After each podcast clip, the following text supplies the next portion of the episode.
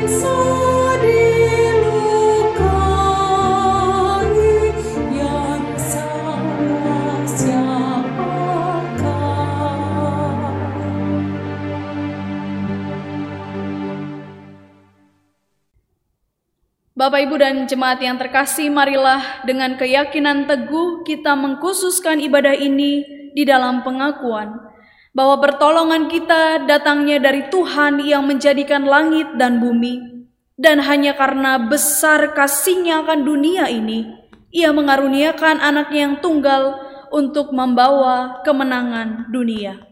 Amin.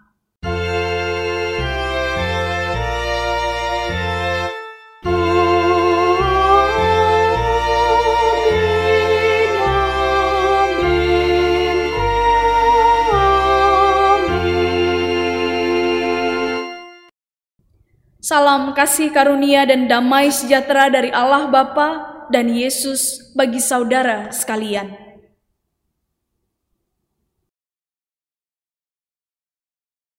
Peristiwa salib adalah peristiwa tragis seolah sang Mesias tak berdaya dalam penderitaan. Salib seolah menjadi lambang penderitaan dan ketidakberdayaan. Peristiwa salib mengajak kita menghayati kembali makna salib dalam kehidupan kita. Salib bukanlah sekedar lambang penderitaan, tetapi juga lambang kemuliaan. Salib adalah lambang pengorbanan Kristus yang membebaskan manusia dari kuasa dosa. Marilah kita membawa hormat dan kekaguman atas pengorbanannya dengan bersama menyanyikan Kidung Keesaan 235, Mari lihatlah hari terkelam.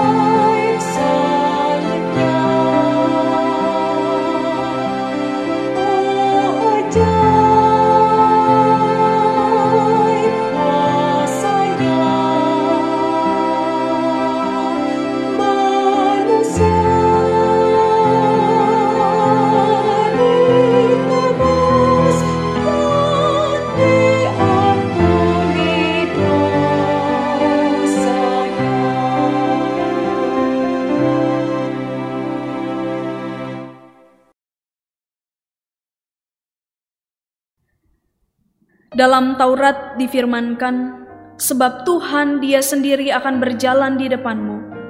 Dia sendiri akan menyertai engkau. Dia tidak akan membiarkan engkau dan tidak akan meninggalkan engkau.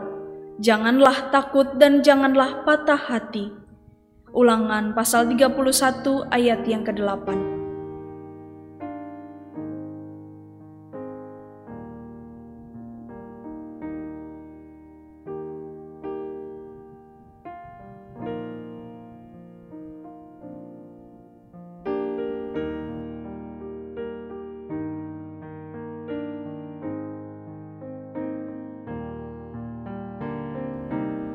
Dalam Mazmur dijanjikan, Berserulah kepadaku pada waktu kesesakan. Aku akan meluputkan engkau dan engkau akan memuliakan aku. Mazmur 50 ayat yang ke-15.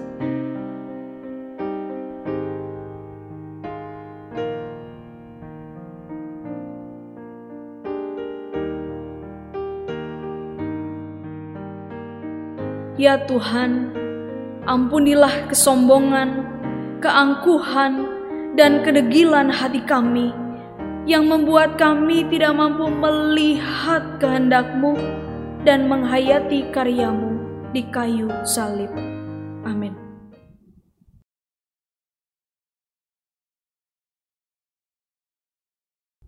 Bapak, Ibu, dan jemaat yang terkasih, bagi setiap kita yang dengan tulus hati menyesali dosanya di hadapan Tuhan. Ia menjanjikan anugerah pengharapan dan sekaligus panggilan untuk hidup dalam terangnya, seperti ada tertulis dalam 1 Yohanes pasal yang pertama ayat yang ketujuh. Tetapi jika kita hidup di dalam terang sama seperti dia ada di dalam terang, maka kita beroleh persekutuan seorang dengan yang lain. Dan darah Yesus anaknya itu menyucikan kita daripada segala dosa. Demikianlah berita anugerah dari Tuhan.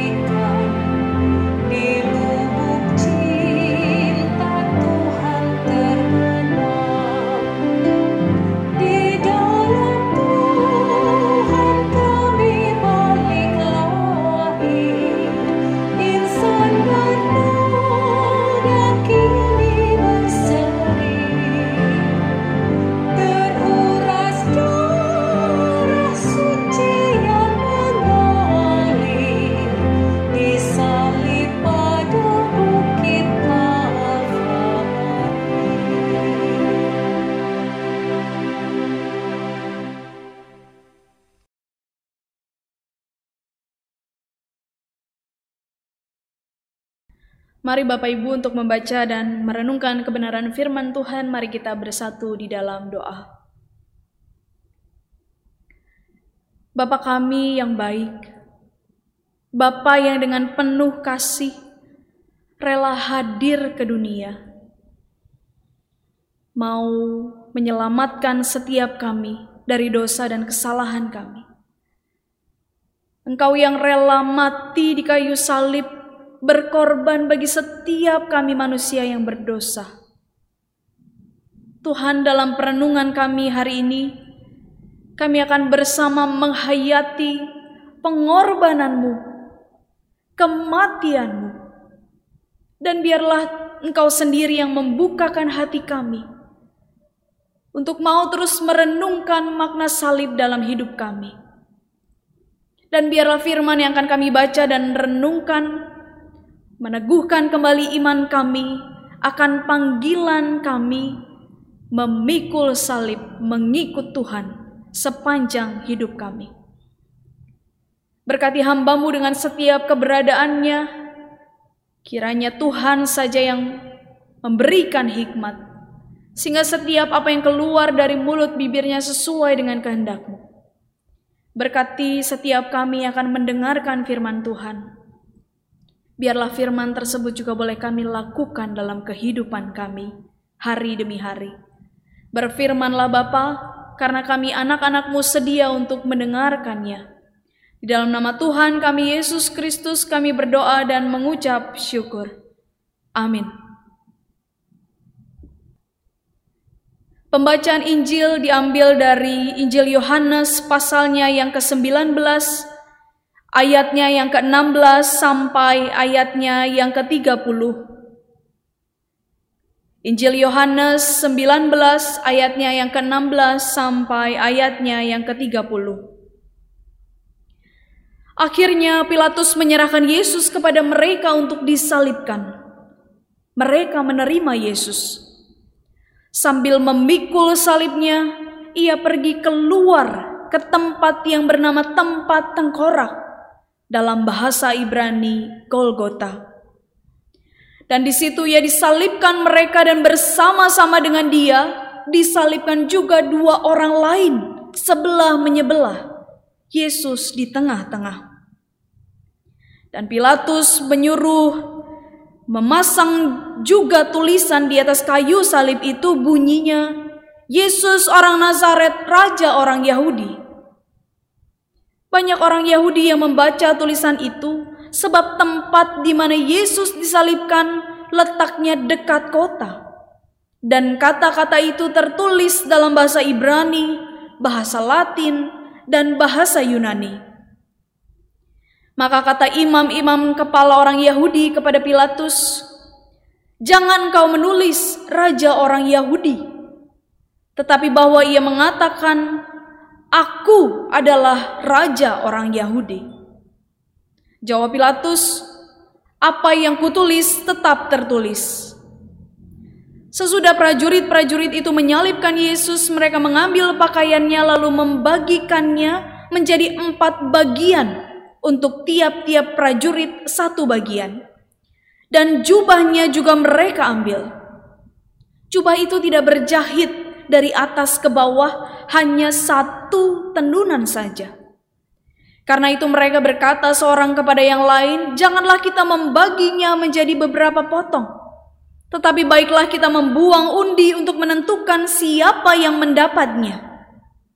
Demikianlah hendaknya supaya genaplah yang tertulis dalam kitab suci. Mereka membagi-bagi pakaianku di antara mereka dan mereka membuang undi di atas jubahku.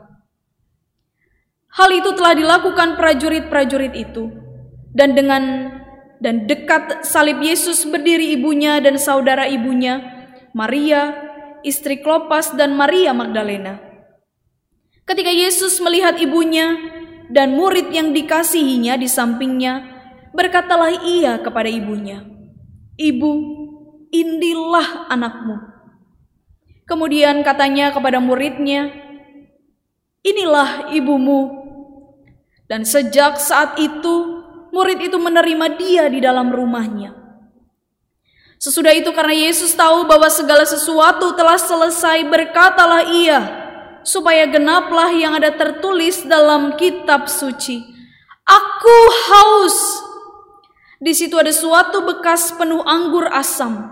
Maka mereka mencucukkan bunga karang yang telah dicelupkan dalam anggur asam pada sebatang hisop lalu mengunjukkannya ke mulut Yesus. Sesudah Yesus meminum anggur asam itu, berkatalah ia, "Sudah selesai."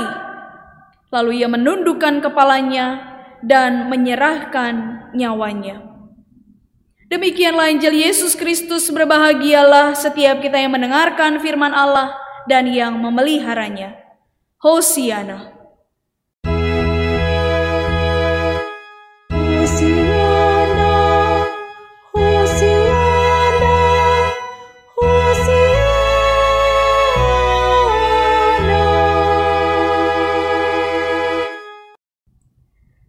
Selamat pagi Bapak Ibu dan jemaat yang terkasih. Pagi hari ini saya bersyukur boleh diberi kesempatan untuk kembali melayankan firman di GKI Ciledug Raya dengan status yang baru. Bukan pasangan atau suami baru tentunya, tetapi gelar yang Tuhan percayakan untuk disandang gitu ya. Kependetaan yang Tuhan karuniakan untuk saya jalani dalam pelayanan di masa mendatang. Hari ini kita akan bersama merenungkan sebuah tema salib lambang kemuliaan. Bapak Ibu tentu tidak asing dengan sebuah lagu yang akan saya nyanyikan.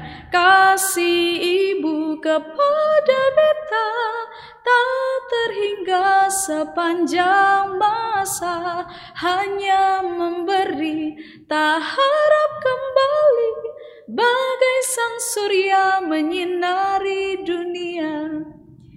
Apa perasaan Bapak Ibu ketika mendengar lagu ini? Kalau saya ditanya, ada perasaan kasih cinta yang besar yang saya bisa rasakan dari lagu tersebut. Tapi bicara mengenai kasih yang besar, saya rasa bukan hanya ibu-ibu yang punya peran besar di tengah keluarga. Sebagai orang tua, ada ayah yang juga punya kasih yang besar untuk setiap anak mereka. Kalau kita berbicara mengenai sepasang kekasih yang saling mencintai, mereka juga punya cinta yang besar.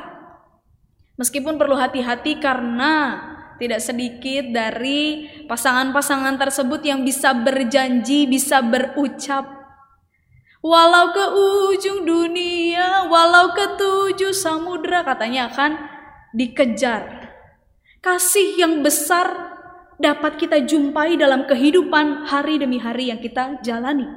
Salah satunya juga kasih persahabatan yang besar yang kita rasakan melalui orang-orang yang ada di sekitar kita, mendukung, memberikan support bagi kita dalam keberadaan kita masing-masing. Tetapi Bapak Ibu kasih yang besar yang tadi saya coba gambarkan dari awal tidak dapat dibandingkan dengan kasih Kristus bagi setiap kita. Bacaan Injil yang kita baca mengisahkan bagaimana Kristus rela mati di kayu salib bagi setiap kita. Untuk mau mengalahkan maut, untuk mau menghapuskan dosa setiap kita. Dan hari ini dalam perenungan kali ini, saya mengajak kita untuk melihat ada dua makna salib. Salib yang pertama sering kali dipandang sebagai sebuah hukuman yang paling berat. Bahkan di sisi lain dipandang hukuman yang paling rendah, paling hina, melambangkan kekalahan. Maka tidak jarang orang-orang yang disalib akan dibiarkan mengakhiri hidupnya di atas kayu salib. Salib sebagai penghukuman yang akan diberikan kepada mereka dengan kasus kejahatan yang sangat berat. Dan Bapak Ibu kalau kita memperhatikan bacaan kita, dijelaskan mulai dari pengadilan hingga sampai pada salib ada tahapan demi tahapan yang harus Yesus lakukan. Sebelum Yesus disalib, dia harus menjalani hukum cambuk di mana dalam hukum Yahudi diatur batasan untuk cambuk adalah sebanyak 39 kali. Bapak Ibu bisa bayangkan itu jumlah yang tidak sedikit dan sebanyak itu Tuhan Yesus harus merasakan sakit. Bapak Ibu bisa melihat gambar cambuk yang digunakan pada zaman itu dengan tulang-tulang runcing atau paku di bagian ujungnya dan ketika dilontarkan kepada badan Yesus itu akan mencabik daging-daging dari tubuh. Bukankah itu penderitaan yang sudah sangat berat? Tapi tidak cukup sampai di situ. Perjalanan pun dilanjutkan dengan membawa salib yang beratnya kurang lebih 60 kilo jadi berbeda dengan salib-salib yang mungkin kita pakai di drama-drama yang masih bisa dibawa oleh kita. Tapi salib yang dipikul oleh Yesus adalah salib yang berat.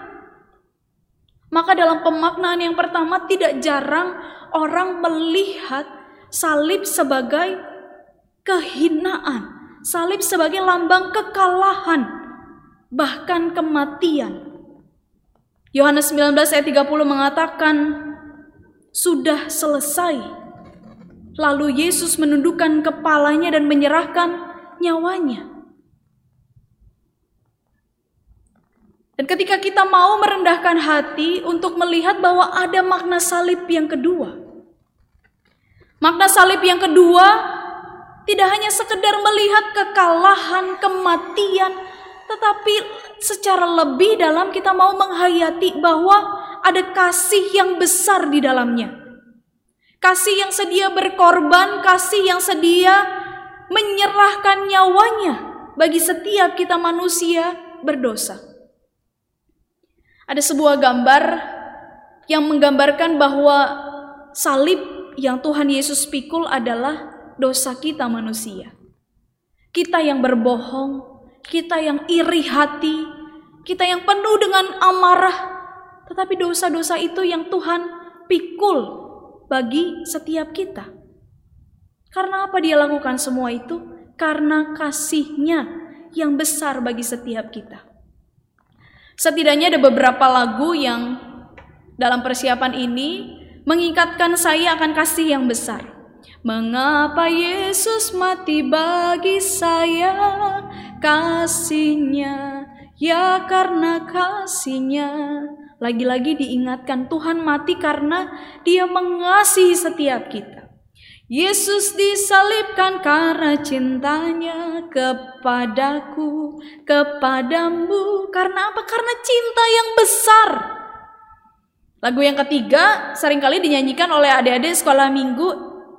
Yesus sayang padaku, Alkitab mengajarku Walau ku kecil lemah Aku ini miliknya. Bapak Ibu kalau mau mencari lagu serupa Tentu ada banyak lagu-lagu yang menggambarkan Kasih Yesus yang besar bagi setiap kita. Maka dalam perenungan ini kita mau melihat makna salib yang kedua. Salib yang menunjukkan kemenangan. Salib yang hadir dalam bentuk kemuliaan. Salib yang menyatakan betapa besar cinta Tuhan bagi setiap kita. Seperti tema kita hari ini, salib tanda kemuliaan. Biar dalam salib yang sering kali kita hayati, kita lihat, kita tidak hanya berhenti pada pemaknaan yang pertama, kekalahan kematian, tetapi ada kemuliaan Kristus di dalamnya. Lagi-lagi ketika kita melihat Yohanes 19 ayat yang ke-30, sesudah Yesus meminum anggur asam itu berkatalah ia, sudah selesai. Tetelestai. Sebuah buku tafsir mengatakan bahwa kata tersebut diucapkan dengan suara nyaring, penuh dengan kemenangan, Yesus tidak mengatakannya dengan perasaan kesal, perasaan marah, tetapi sukacita. Karena dia mengakhiri perjalanan penderitaannya sebagai bentuk ketaatan kepada Bapa. Maka apa respon setiap kita dengan kasih yang begitu besar yang Tuhan nyatakan dalam pengorbanannya? Apakah kita memilih untuk menjadi sama seperti prajurit yang sibuk membagikan undi untuk pakaian Yesus ketika Yesus sedang berjuang di salib? Mati rasa. Para prajurit itu tidak punya rasa apa pun dengan keberadaan Yesus di salib. Ataukah kita mau menjadi seperti para perempuan yang hadir hingga perjuangan Yesus yang paling akhir? Dikatakan ada perempuan-perempuan yang hadir di sekitar salib Yesus. Mereka mau memberikan diri mereka sampai akhir kematian Yesus. Tadi pilihan kita yang pertama mati rasa sudah tidak ada rasa lagi dalam diri kita. Sudah dingin hati ini. Sudah kering jiwa ini. Apakah demikian? Bagaimana dengan kehidupan spiritual kita? Jumat Agung kita menghayati kematian betul. Jumat Agung warna liturgi yang dipakai hitam betul. Tadi di bagian liturgi Bapak Ibu melihat ada ranting-ranting yang dihiasi dengan kain-kain berwarna hitam yang lagi-lagi menggambarkan kematian Kristus yang seharusnya tidak membuat kita berhenti pada mati rasa tapi merasakan kita diajak untuk merasakan kasih tersebut mengalami terlebih dahulu lalu membagikannya kepada siapa pun yang kita jumpai melalui peristiwa salib kita diajak untuk mau menikmati kasih Tuhan dalam hidup kita, dalam relasi kita bersama dengan Tuhan. Tentu kita tahu Bapak Ibu kalau kita mau menjadi seorang uh, YouTuber khususnya food vlogger, ketika seseorang tersebut akan mereview sebuah makanan, dia akan merasakan terlebih dahulu. Wah, ini baksonya kenyal, sedikit gurih dan ada daging, saya bisa rasakan. Bagaimana dia bisa mengatakan hal tersebut ketika dia telah lebih dahulu mengkonsumsi makanan tersebut, lalu dia menceritakannya. Begitu pula dengan kita dipanggil untuk merasakan dulu kasih Allah, kemuliaan Allah di atas salib untuk kemudian kita dipanggil membagikan kasih tersebut kepada orang-orang yang ada di sekitar kita. Salib menyimbolkan relasi kita dengan Tuhan yang terus kita jaga hari demi hari, kerinduan kita untuk terus mengenalnya, kerinduan kita untuk semakin teguh dalam iman.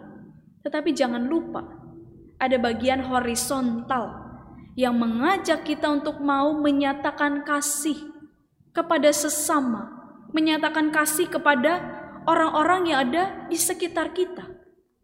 Sehingga kehidupan kita adalah kehidupan yang mau membawa salib tersebut sampai akhir hidup ini. Bukan salib dalam arti aksesoris, ibu-ibu atau bapak-bapak yang mungkin menggunakan kalung dengan liontin salib atau salib yang ada di rumah-rumah menjadi hiasan dinding atau salib yang ada di desain baju kita pakai dalam kehidupan sehari-hari bukan demikian. Tetapi salib kemuliaan Tuhan yang kita mau upayakan dalam kasih. Kasih kepada Tuhan, kasih kepada sesama.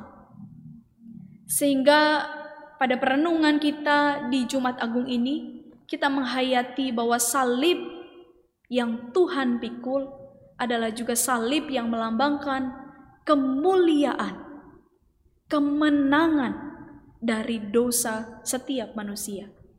Biarlah kita mau senantiasa menghidupi kasih Kristus yang besar dan mau menjadi pelaku kasih di mana pun Tuhan menempatkan setiap kita. Tuhan Yesus memberkati kita. Amin.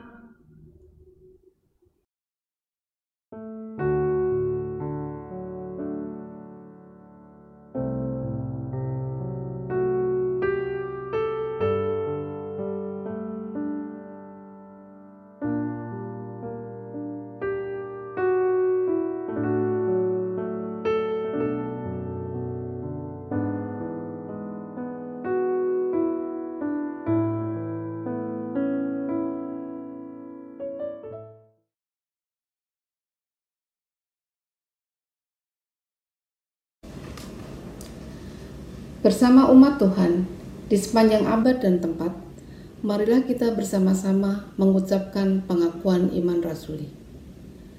Aku percaya kepada Allah, Bapa yang Maha Kuasa, Halik langit dan bumi, dan kepada Yesus Kristus, anaknya yang tunggal Tuhan kita, yang dikandung daripada roh kudus, lahir dari anak darah Maria, yang menderita sengsara di bawah pemerintahan Pontius Pilatus, disalibkan, mati dan dikuburkan, turun ke dalam kerajaan maut.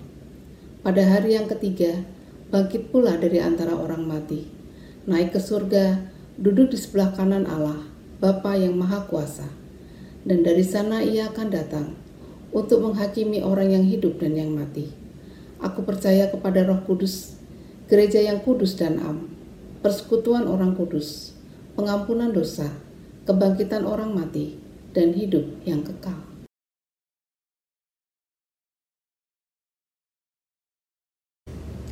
Mari kita berdoa. Kami mengucap syukur ya Allah untuk kasih-Mu yang begitu besar bagi kami umat yang berdosa ini. Engkau rela menempuh jalan sengsara dan penderitaan untuk menebus kami umat yang Engkau kasihi. Untuk itu ya Allah kami mau mengucap syukur untuk pimpinan dan pemeliharaan Tuhan di dalam sepanjang kehidupan kami sampai saat ini, khususnya di dalam kehidupan kami berjemaat di GKI Ciledug Raya. Kami mau menyerahkan seluruh rencana pelayanan kami hanya ke dalam tangan kasih-Mu ya Allah. Kiranya Tuhan memberkati tim PPRI dengan program dan strategi yang akan dijalankannya untuk mengurus IMB rumah ibadah. Kami yakin dan percaya Tuhan akan menolong, dan Tuhan sendiri yang akan mewujudkannya seturut dengan waktu yang Tuhan sudah tetapkan. Terima kasih ya Allah, dalam Kristus kami berdoa. Melanjutkan doa syafaat kami, kami pun bersatu hati berdoa bagi bangsa dan negara kami di tengah kondisi COVID yang masih dijumpai di berbagai daerah. Kami berdoa bagi setiap mereka yang dalam proses pemulihan, baik mereka yang sedang menjalani isolasi mandiri di rumah maupun mendapatkan perawatan di rumah sakit. Tuhan, kiranya Engkau saja yang memulihkan mereka, memberi kekuatan, memberi pengharapan di tengah kondisi yang tidak mudah. Kami bersyukur untuk sebagian dari masyarakat yang sudah boleh memperoleh vaksin Kiranya Tuhan juga memberkati sehingga melaluinya imunitas setiap kami boleh bertambah menjadi baik. Dan biarlah hari demi hari kami pun boleh terus dengan taat melakukan protokol kesehatan di mana pun kami berada. Dengan demikian kami menjaga kehidupan kami maupun kehidupan orang-orangnya dari sekitar kami. Bapak kami pun mengingat setiap kami dalam pergumulan kami masing-masing. Kami yang bergumul di tengah kehidupan pernikahan, kami yang bergumul di tengah persoalan keluarga, kami yang bergumul di tengah pendidikan yang kami perjuangkan, kami yang bergumul mencari pekerjaan, kami yang bergumul menemukan pasangan hidup yang tepat, dan pergumulan-pergumulan lain yang tidak bisa kami sebutkan satu persatu. Kami meyakini Engkau Allah yang mengetahui setiap persoalan kami, bahkan sebelum kami mengucapkannya. Maka biarlah dengan penuh percaya, kami pun mau meyakini bahwa Tuhan akan menjawab seru doa kami sesuai dengan waktu Tuhan.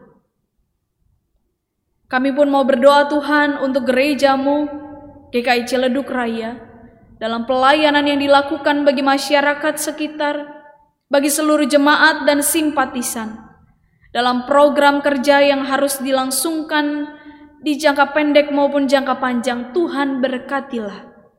Sehingga pelayanan yang dilakukan oleh GKI Ciledug Raya boleh membawa dampak, boleh menyatakan kasih Tuhan dan secara khusus boleh terus memuliakan nama Tuhan. Inilah doa kami Bapa, doa yang kami mau naikkan ke dalam nama Tuhan kami Yesus Kristus yang mengajarkan kami berdoa. Bapa kami yang di surga, dikuduskanlah namamu, datanglah kerajaanmu di bumi seperti di surga.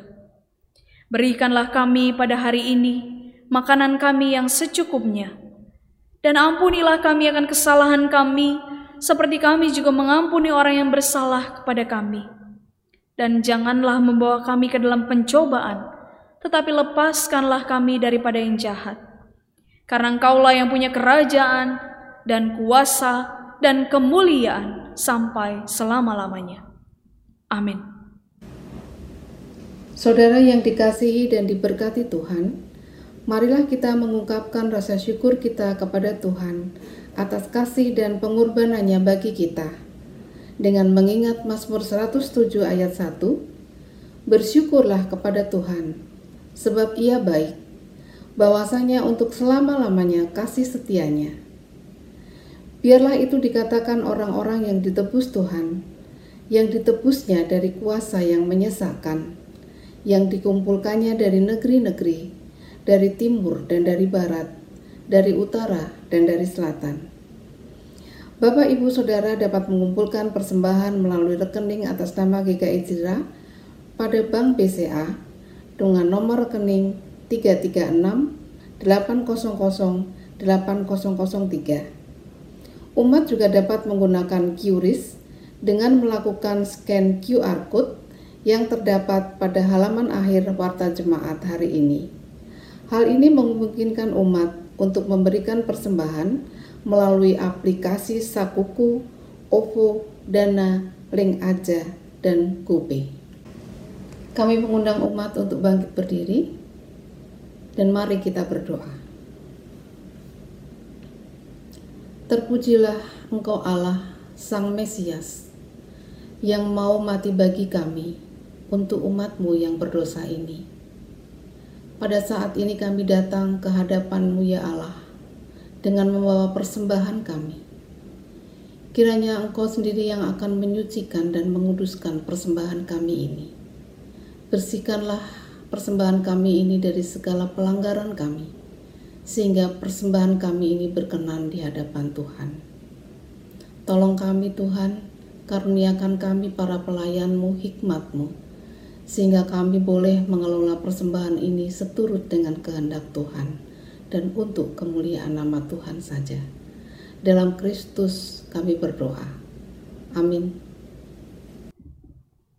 Bapak, Ibu, dan jemaat yang terkasih di dalam Tuhan, marilah kita mengingat bahwa Yesus setia menjalankan kehendak Bapa di sorga, sehingga dia rela menderita mati dan berkorban bagi setiap kita. Marilah kita memohon agar kasih Kristus senantiasa hadir di tengah hidup yang penuh penderitaan dan pergumulan ini.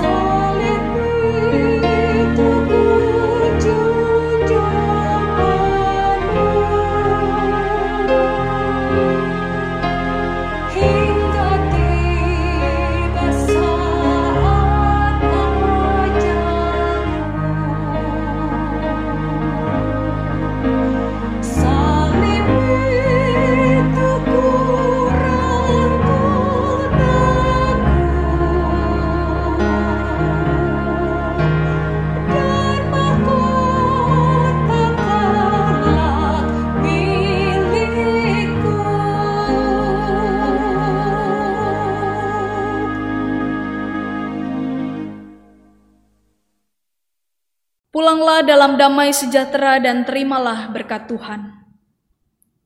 Kasih karunia Tuhan Yesus Kristus melalui penderitaannya di kayu salib, kasih Allah yang berkenan mengutus putranya ke dunia ini, dan persekutuan roh kudus yang membuat saudara mampu hidup dan mati bersama dia, menyertai saudara sekalian. Amin.